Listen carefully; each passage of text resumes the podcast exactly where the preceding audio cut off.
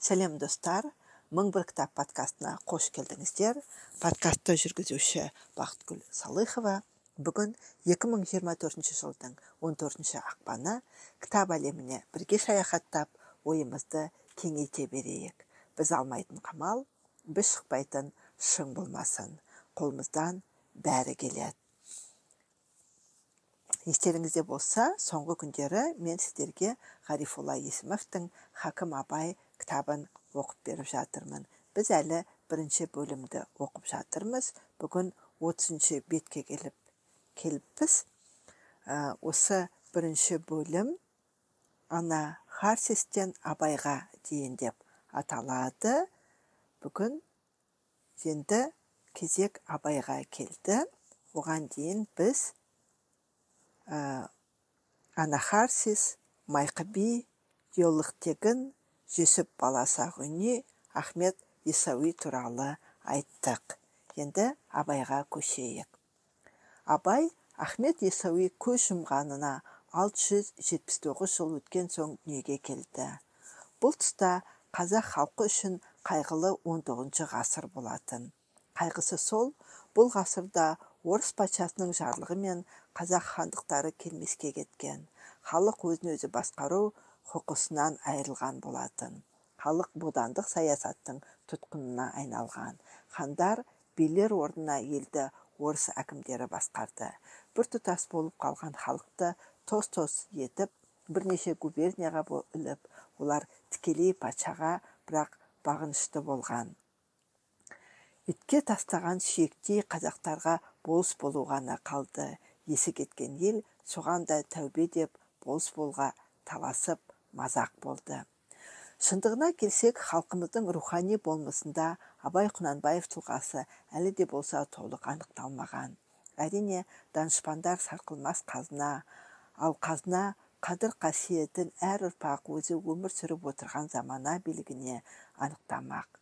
Тарихты тану уақыт өткен сайын тереңдей түспек кезінде орын алған саяси ұшқары пікірлер субъективті түсінік ұғымдар ерекшелігінен келіп қоғамдық сана өзінің нақтылы арнасын табады. Сондықтан 19 ғасырдың екінші жартысында қазақ болмысында дәл абай құнанбаев болмаса да сондай ойшылдың болуы тарихи қажеттілік еді. Кездейсоқтық қажеттіліктің көріну формасы сондықтан халықтың рухани мәдениеті дамуындағы қажеттілік абай шығармашылығы арқылы анықталмақ десек артық болмас. Абайдың таза ақындығынан оның көркем мәдениеттегі халық санасындағы ойшыл ретіндегі орны биік болуы да заңды. Ал осы мәселе әлі зерттелмеген тақырып.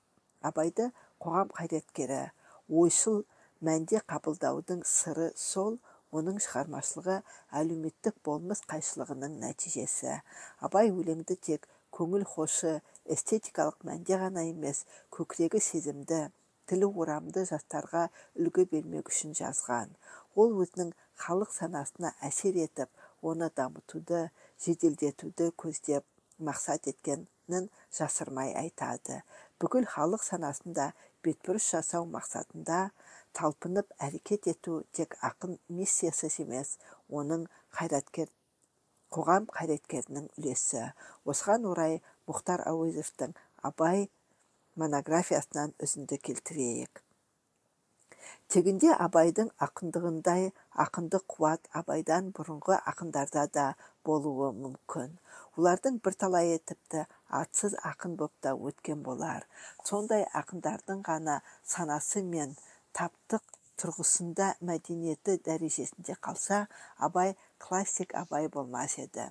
Өзінен бұрын жүз ақын болса да жүз бірінші мың ақын өткен болса мың бірінші болар да қалар ма еді әлде қайтер еді? Өзі орыс халқының мәдениетіндегі қасиеттерді үлгісін бойына сіңіріп еңбегіне таратқан соның бәрін жаңа дәуірдің жаңаша тарихтың халықтың арман мүддесі етіп берген абай болғандықтан өзгеше бағаланады. Барлық қазақ халқының өткен тарихында ең зор биікке шыққан асыл тұрғыны ашқан. Айнымас қадірі зор классигі болып танылады. Абай шығармашылығын зерттеуде ұлы жазушының осындай мәселе қойысы еске алынбай келеді. Сірә бұл проблемаға әдебиет зерттеушілері тереңдей алмас. Ал қоғамдық ғылым қазақстанға қатысты қоғамдық экономикалық формациялар ауысуының заңдылықтарын әлі ашып бере алмай жүр. Бір сөзбен айтқанда әуезов сөздерін тереңдей түсініп қазақ мәдениеті тарихында абай тұлғасын анықтаудың методологиялық негіздері ашылмаған. Көпшілікке мәлім абай 19 ғасырдың екінші жартысында өмір сүрген ойшыл. Бұл заманның ең басты белгілері халық көшпелі өмірден ауысып қыс қыстауы жаз жайлауы белгіленіп тұрақтылық қалыптасты. Көшпелі өмір негізінен жойыла бастады. Қазақ жерінде қалалар салынып бұрыннан барлары көркейе түсті. Қазақ сахарасында қала мәдениеті орын тепті. Қазақ халқы буржуазиялық ұлт болып қалыптасуға мықтап бет алды. Қазақ даласына өзге идеялар тарай бастады. Олардың мазмұндары әркелкі болатын. Діни идеология орыстың жер ауып келген саяси демократ бағытындағы интеллигенциялар идеологиясы хат танып үлгерген қазақтар батыс орыс мәдениеті үлгілерімен таныса бастады. Қазақ даласында ояну дәуірі дәуірі басталды. Кейбір әдебиетшілер абайды феодализм қоғамы кезінде өмір сүрген ақын деп қарастырып жүр. Толық құптауға болмайтын пікір абай тұтас ел болуды болудан қалған отаршылық жағдайда күн кешкен қоғамда туған. Оның ойшыл болып қалыптасуы 19 ғасырдың екінші жартысындағы қазақ халқының басынан кешкен ауыр тұрмысына сәйкес келеді. Абайды тек ақын қылмай ойшыл ғұлам дәрежесіне де көтерген осы өтпелі қоғам қайшылығы. Ақын өлеңдерінен қалыптасқан түсінік бойынша таза буржуазиялық қарым қатынастарды бейнелейтін пролетариат фабрикант образдарын іздеу қателік.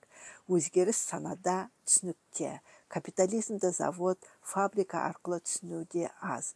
19 ғасырдың екінші жартысында қазақстанды капиталистік жүйемен басқару системасы негізінен аяқталған. Аға сұлтандар билер патша самодержавиясы секілді өткен қоғам қалдықтары ретінде өмір сүргенмен ресейдің ұлт аймақтарын басқаруы буржуазиялық жүйемен жүргізілген. Елді мекендер есепке алынып билікті заң органдары қолдарына алған. Қоғамның экономикасындағы базисіндегі саналық өзгешеліктер оның рухани өміріне айтарлықтай әсер етті. Бұл кезде халқымыздың көркем мәдениеті нақтырақ айтсақ ауыз әдебиеті поэзиясы дамып шарықтау шетіне көтерілді.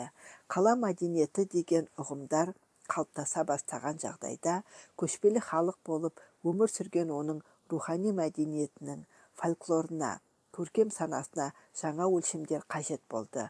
Оны уақыт талабы қойды. Осы міндетті атқарған абай құнанбаев болатын. Біріншіден абай билер шығармашылығына талдау жасаған.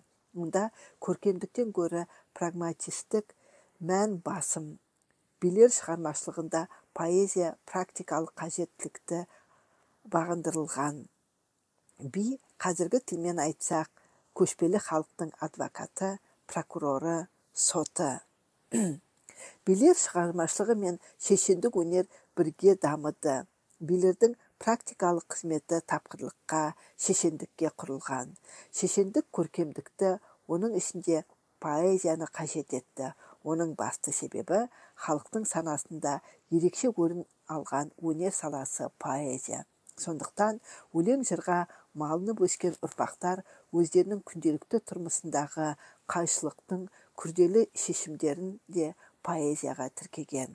Би көшпелі халық тұрмысына сай оның қоғамдық болмысына қажетті тұлға болса хаттап жазылған заңдар шығып таптық антагонизм шиеленіскен кезде олардың өздері де тақпақтары да архаизмге айнала бастады.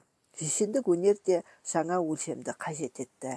Әлеуметтік қайшылық қоюланып буржуазиялық қатынастар орнай бастаған кезде билер шығармашылығы демократиялық сипаттан арылып олар орыс әкімдерінің рупорына айналуына байланысты халық ішіндегі беделден айырылған еді. Билер шығармашылығына тән тавтологиялық сипатты абай сынға алды.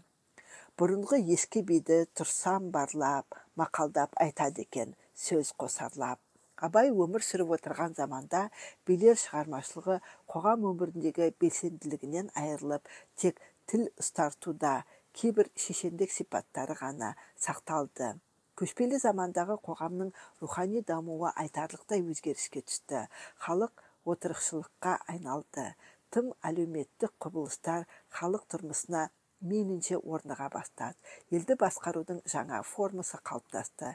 Билер функциялары шешуші күні күш болудан қалды. Билер туралы олардың мұрасы туралы ой қорыту уақыттың күн тәртібіне қойған мәселесі. Оған жауап беру қажет. Мұны абай атқарды. Ескі беше оқырман бос мақалдап деген сөздер билерге тек сын емес принцип рухани мәдениет дамуындағы жаңа талап. Билер шығармашылығы поэзияға тікелей байланысты болғанмен оны нәрлендіруге бұлақ көз емес қайта өзі поэзиядан қуат алған. Поэзия халқымыздың ауыз әдебиеті өз негізін көне түркі парсы поэзиясынан алады. Абайға көне түркі негізінен ауыз әдебиеті болып жетіп отыр. Қазақ халқы көне түркі жұртының бір тармағы бұтағы болып таралғанда оның еншісіне жазба мәдениет емес ауыз әдебиеті тиген. Оның тарихи себебі бар. Қазақ халқы тарихқа көшпенділер көшпелілер деген атпен енген жұрт. Көшіп қону мәдениетінің қолайлы формасы фольклорды ерекше дамытты.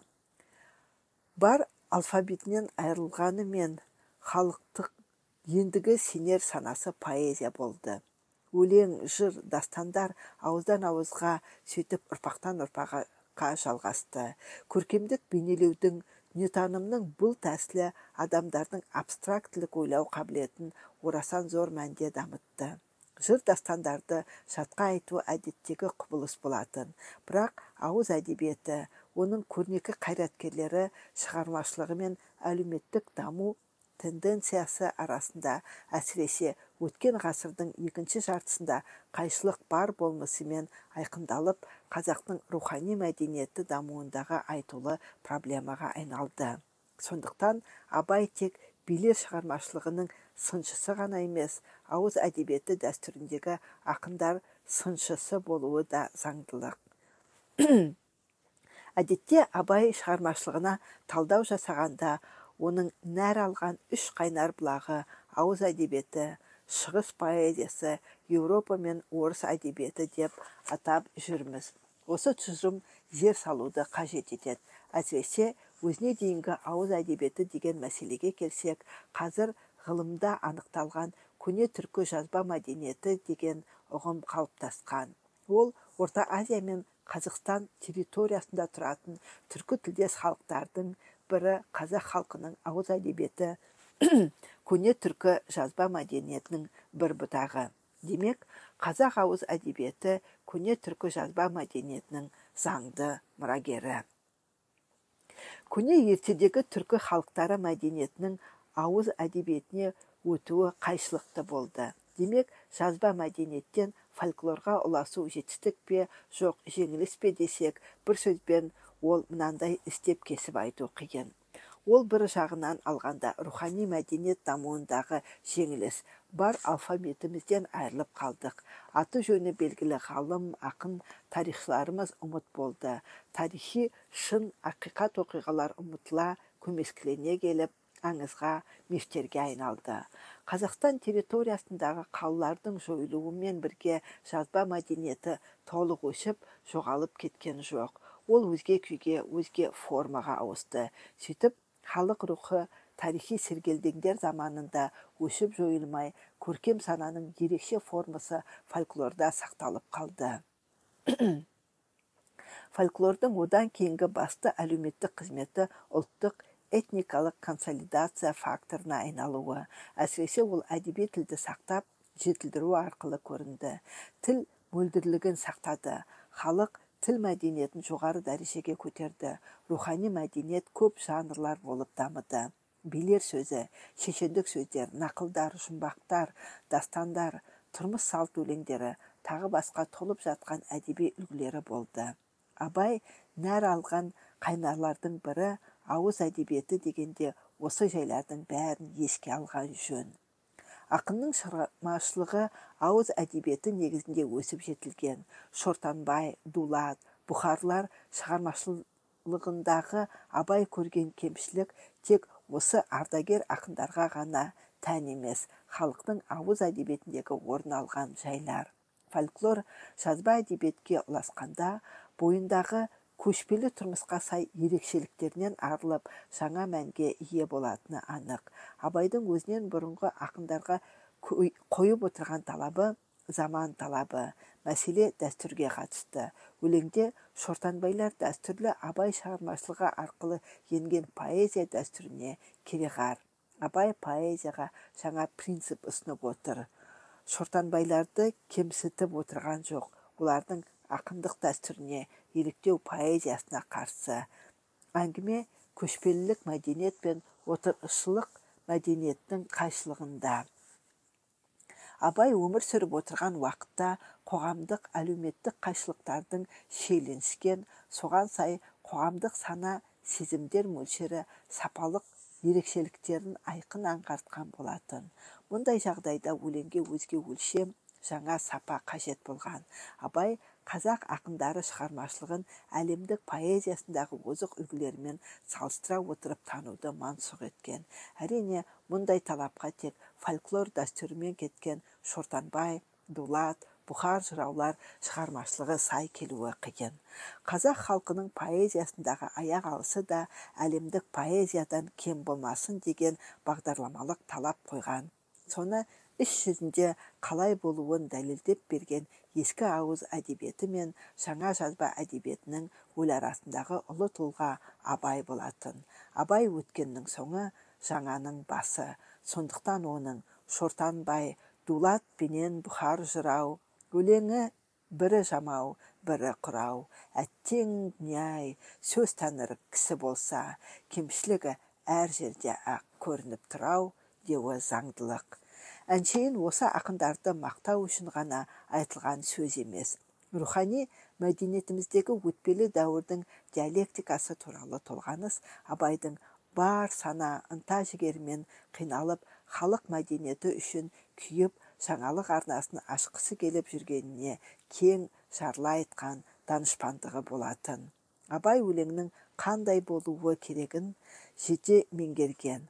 Ол мұндай тереңдікке тек халық мұрасын бойына сіңірумен ғана емес гете байрон пушкин лермонтов сияқты еуропа саңлақтарының поэзиясын жан тәнімен сезініп өзіне тән қасиет ретінде қабылдауымен де жеткен. Абай өзіне дейінгі ақындарды қатаң сынға алғанда поэзияны жетілдіру үшін мақсат қойған. Диалектика заңы бойынша бұл ескі мен жаңа арасындағы терістеуді терістеу. Метафизикалық терістеу емес диалектикалық терістеу. Ескіні жоққа шығара терістей отырып оның өңін үзбей жаңаға ұластыру өрбіту. Абай халық мұрасына да өзіне дейінгі ақындарға да диалектикалық терістеу арқылы келген. Абай өлеңге жаңа өлшеумен келді дегенде ол тек жаңа заман ақындары батыс ақындары тұрғысынан емес поэзиядағы әсіресе шығыс поэзиясындағы дәстүрді заманға орай жалғастыру ниетінде болды. Жаңашылдық жаңа дәстүр сақтау абай шыншылдығының басты принциптері.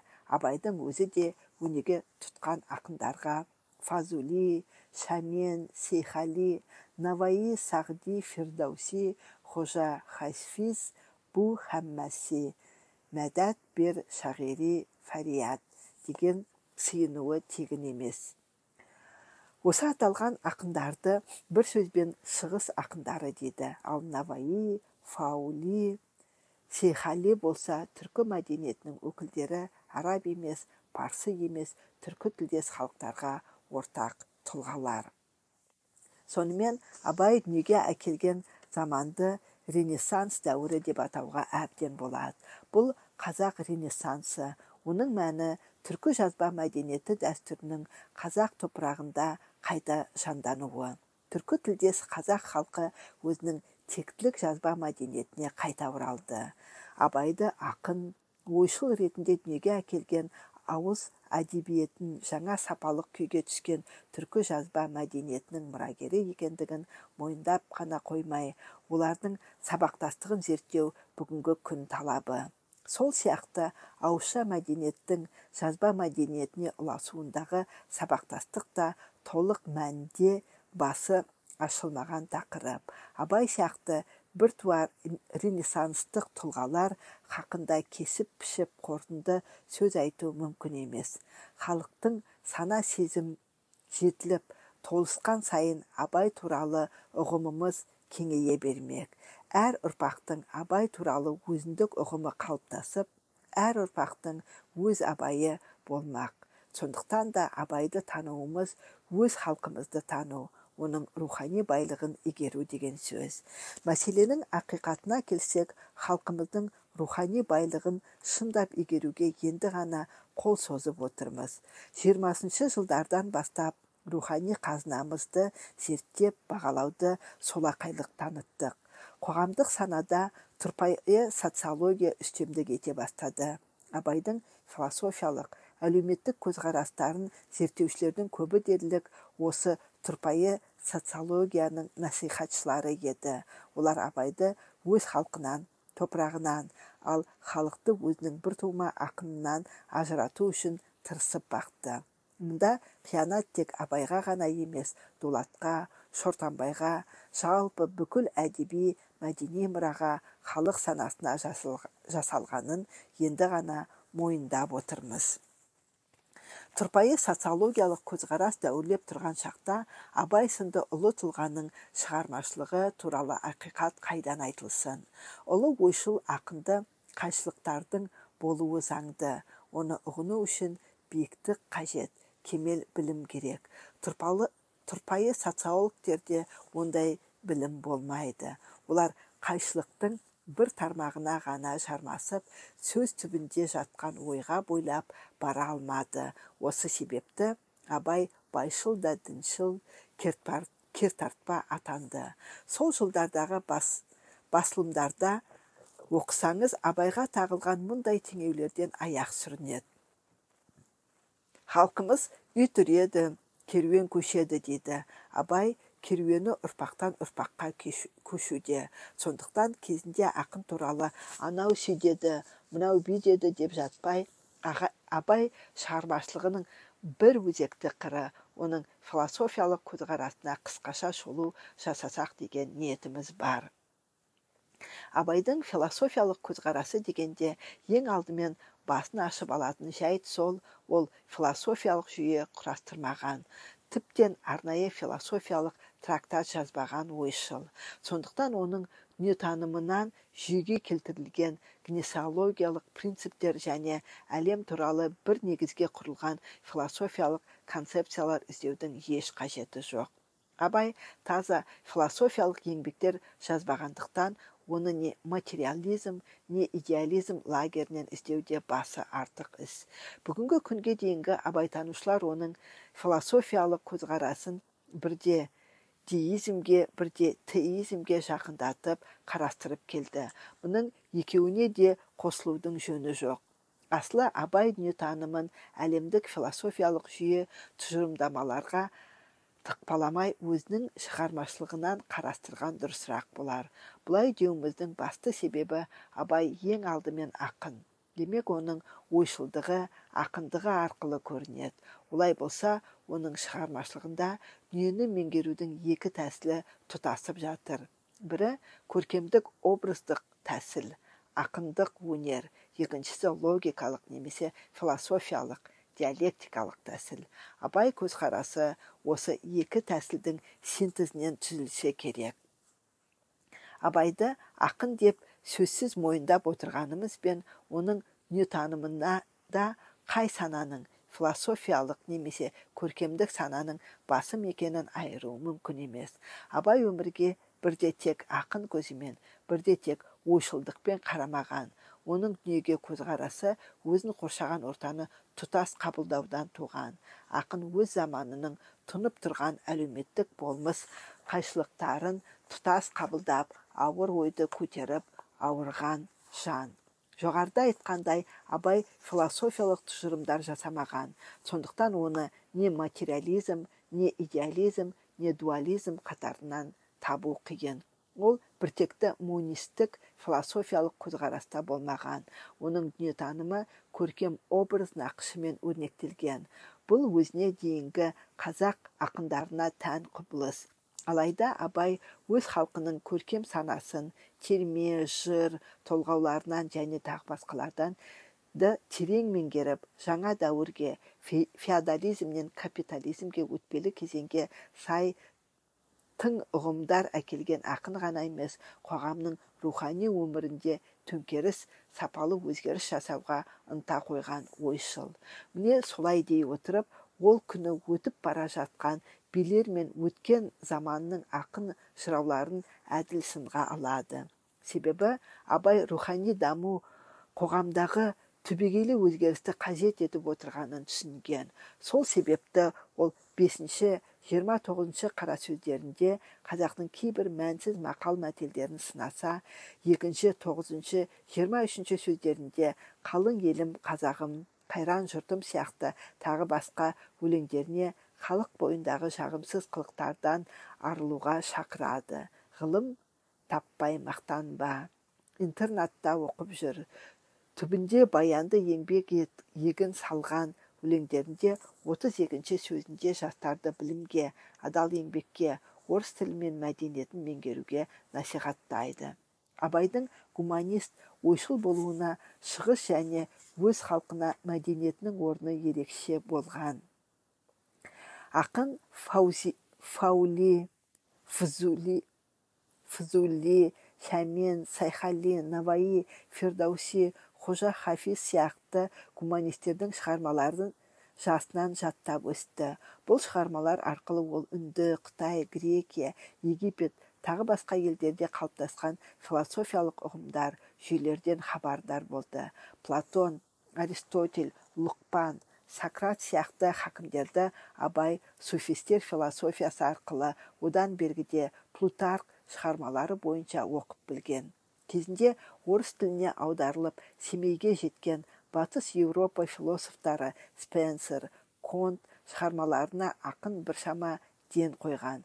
Бұлар 19 ғасырдағы өте елеулі ағым позитивизмнің негізін салушы мықты ойшылдар. Батыстың бұл аты аталған ойшылдары философияға дәстүрлі көзқарасты жоққа шығарып оны жағымды ғылымға айналдыруға күш салған. Соған орай тың тұжырым жасаған ірі тұлғалар.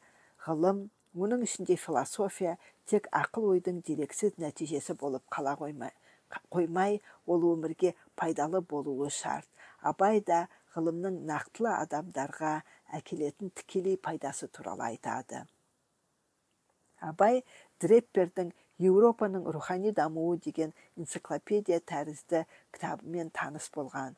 Бұл кітапта бір жүйелі философиялық қағида жоқ бірақ онда өте мол мағлұмат бар. Ақын бұл еңбекті қазіргі түсініксіз оқулық ретінде қазіргі түсінікте оқулық ретінде қолданса керек. Абайдың орыс тілінде оқыған кітаптарымен танысудың еш қиындығы жоқ. Аты аталған авторлардың еңбектері кітапханаларда сақталған. Біздің анықтай алмай жүргеніміз абайдың араб парсы түркі тіліндегі оқыған кітаптары. Оның ішінде әсіресе суфизмге қатысты әдебиеттерді біз көбіне біле бермейміз. Суфизм неліктен діні шеңберінде қалыптасып үнемі дамып жаңғырып отырған діни философия. Дінге деген солақай көзқарас жылдары біз суфизмді философиялық ағым ретінде мойындаудан бас тартқан болатынбыз. Соның салдарынан абайдың философиялық көзқарасын білдіретін көптеген ұғымдар мен терминдердің мәнін түсінбедік. Рас абай суфизмнен өзге де әлемдік философиялық ағымдар және бағыттармен таныс болған. Орыс философиясын аса зер салып оқыған. Бұл жөнінде абайтанушылар көп айтқан. Бірақ қалай десек те абай шығыс ақыны шығыс мәдениетінің қайраткері. Нақтырақ айтсақ мұсылман шығысының аса көрнекті ойшылдарының бірі. Абайға осы тұрғыдан келсек суфизмнің білгірі бертельстің мына бір пікірін еске алу орынды. Суфистік мәдениетті зерттемейінше шығыстың орта ғасырдағы мәдени өмірін түсіну мүмкін емес. Оның классиктері шығыс әдебиеттеріне 20 ғасыр басына дейін ықпал жасап келді. Абай суфизмнің аса көрнекті өкілдері. Ол ансари әл халладж әл харкани ғазали әл хамадани санаси фариддадин аттар румидің ықпалымен дүниетанымдары қалыптасқан фаули шәмен сайхали наваи сағди фирдоси хожа хафездерді пір тұтады. Яғни абай суфизмді біріншіден осы аталған ұлы ақындар арқылы қабылдаса онымен ізім ретінде ахмет ясауи секілді суфизмнің аса көрнекті сыншыл ойшылының шығармалары арқылы танытқан ақын 25 қара сөзінде араб парсы және түркі тілдерін білу мәселені көтерген болатын. Абайдың өзі түрлі тілін еркін меңгерген түркі тілін еркін меңгерген. Ахмет ясауи да еңбектерін араб емес түркі тілінде жазған. Ол түркі мәдениетінің ең соңғы алыптарының бірі. Абайдың суфизммен келісетін де келіспейтін де жерлері көп. Асылы ақынның суфизмге көзқарасын арнайы сөз еткен жөн. Суфизм және абай тың тақырып ол үшін зерттеуді алдымен ахмет есауидан бастау керек. Есауизм исламның діни философиясы дінге жаңаша көзқарас енді қалыптасып келеді. Ал суфизмсіз абайдың дінге көзқарасын ашу қиын шаруа. Абай алланың пайғамбардың жолындамыз дейді. Бірақ алла туралы ақын пікірінің ислам дініндегі негізгі қағидаларымен қабыспайтын жерлері көп. Қайшылықтың мәні сонда ислам діні ауқымында екі мәселенің басын ашып қарастыруымыз керек. Олар діни идеология мен діни философия. Абай діни идеологиядан аулақ сондықтан оның көзқарасын діни философия жағынан іздеу керек. Сондай пікірде болған діндарлар суфизмнің аса көрнекті ойшылы халладжды азаптап соңынан өртеп жіберген. Бұған сондағы оның кінәсі өзін құдаймен бірігіп тұтасып кетемін деген пікірі себеп болды. Халладж өзін құдаймен тұтасқан кезінде мен өзім жетілген ақиқатпын деген екен. Ислам идеологиясында адамның бірден құдаймен қарым қатынасы түгіл пайғамбардың өзі де алласымен періштелер арқылы байланысады. Абай суфистік жаңа заманда заманды жаңғыртып отыр. Суфизмде алла туралы өте күрделі философиялық концепция бар. Ақын өлеңдерінде де қара сөздерінде де алла деген ұғым жиі кездеседі. Соған қарап абай діншіл болған деген қорытынды жасауға мүлде болмайды ол қазақ тұрмысында ислам дінін оның идеологиялық сипатын қатты сынға алған тұңғыш ойшыл. Абай шығармаларында алла үш мағынада қолданылған. Бірінші антологиялық мазмұнда. Яғни алла шындық ақиқат дүниенің хақтығын барлығын бейнелейтін адам еркінен санасынан тыс объективтік реалдық. бар шындықты жоқ деуге болмайды. Алланың өзі де рас сөзі де рас. Рас сөз еш уақытта жалған болмас. Дейді алланың шындық ретінде мойындаушылық. Деуі алланы шындық ретінде мойындаушылық. Бірақ бұл шындықты ақылмен ұғып тану мүмкін емес. Ақылға сыймас ол алла тағрибка бар нәрсе ол куә деп агностикалық қорытындыға келді. Ол бұл көзқарасын 38 сөзінде былайша дәлелдеген. Алла тағала өлшеусіз біздің ақылымыз өлшеулі. Өлшеулі бірлән өлшеусізді білуге болмайды. Бір алла тағала бір дейміз бар дейміз. Ол бір демектік те ұғымның бір тиянағы үшін айтылған сөз. Бұл ілім суфистер философиясы арқылы қазақ даласына жеткен. Платонның әсіресе оның ізбасары плотиннің құдайды ақылмен тануға болмайды деген ой жүйесінің ықпалы айқын сезіледі. Екінші космогониялық мәнде. Демек алла әлемді жаратушы құдірет махаббатпен жаратқан адамзатты сен де ол алланы жаннан тәтті. Алланы сүюдің мәні ол жаратушы. Олай болса махаббат тек жаратушыға арналуы қажет. Жүректің ақыл суаты махаббат қылса тәңірі үшін деуі де сондықтан. Абай алланы сүюге шақыру жолында суфистер философиясындағыдай мистикаға ұрынбай гуманистік бағыт ұстанған. Абай сопылар сияқты аллаға құлшылық жолында дүние қызығын тәрк қылуға қарсы.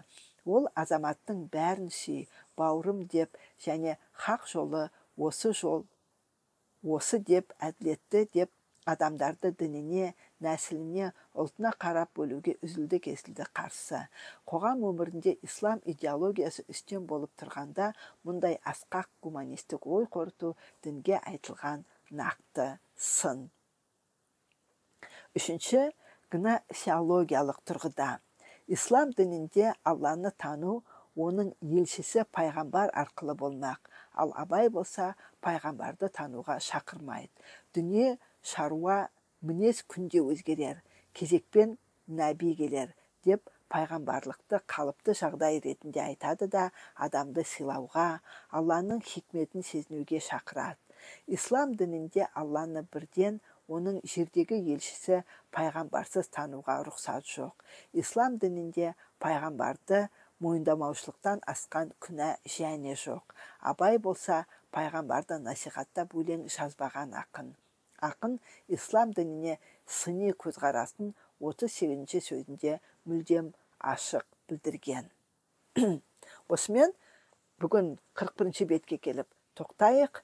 Қалған бөлігін ертең оқимыз. Сонымен мың бір кітап подкастының бүгінгі эпизодын аяқтаймын. Кітап оқып ойымызды шыңдай берейік. Подкастты жүргізген бақытгүл салыхова келесі кездескенше сау болыңыздар.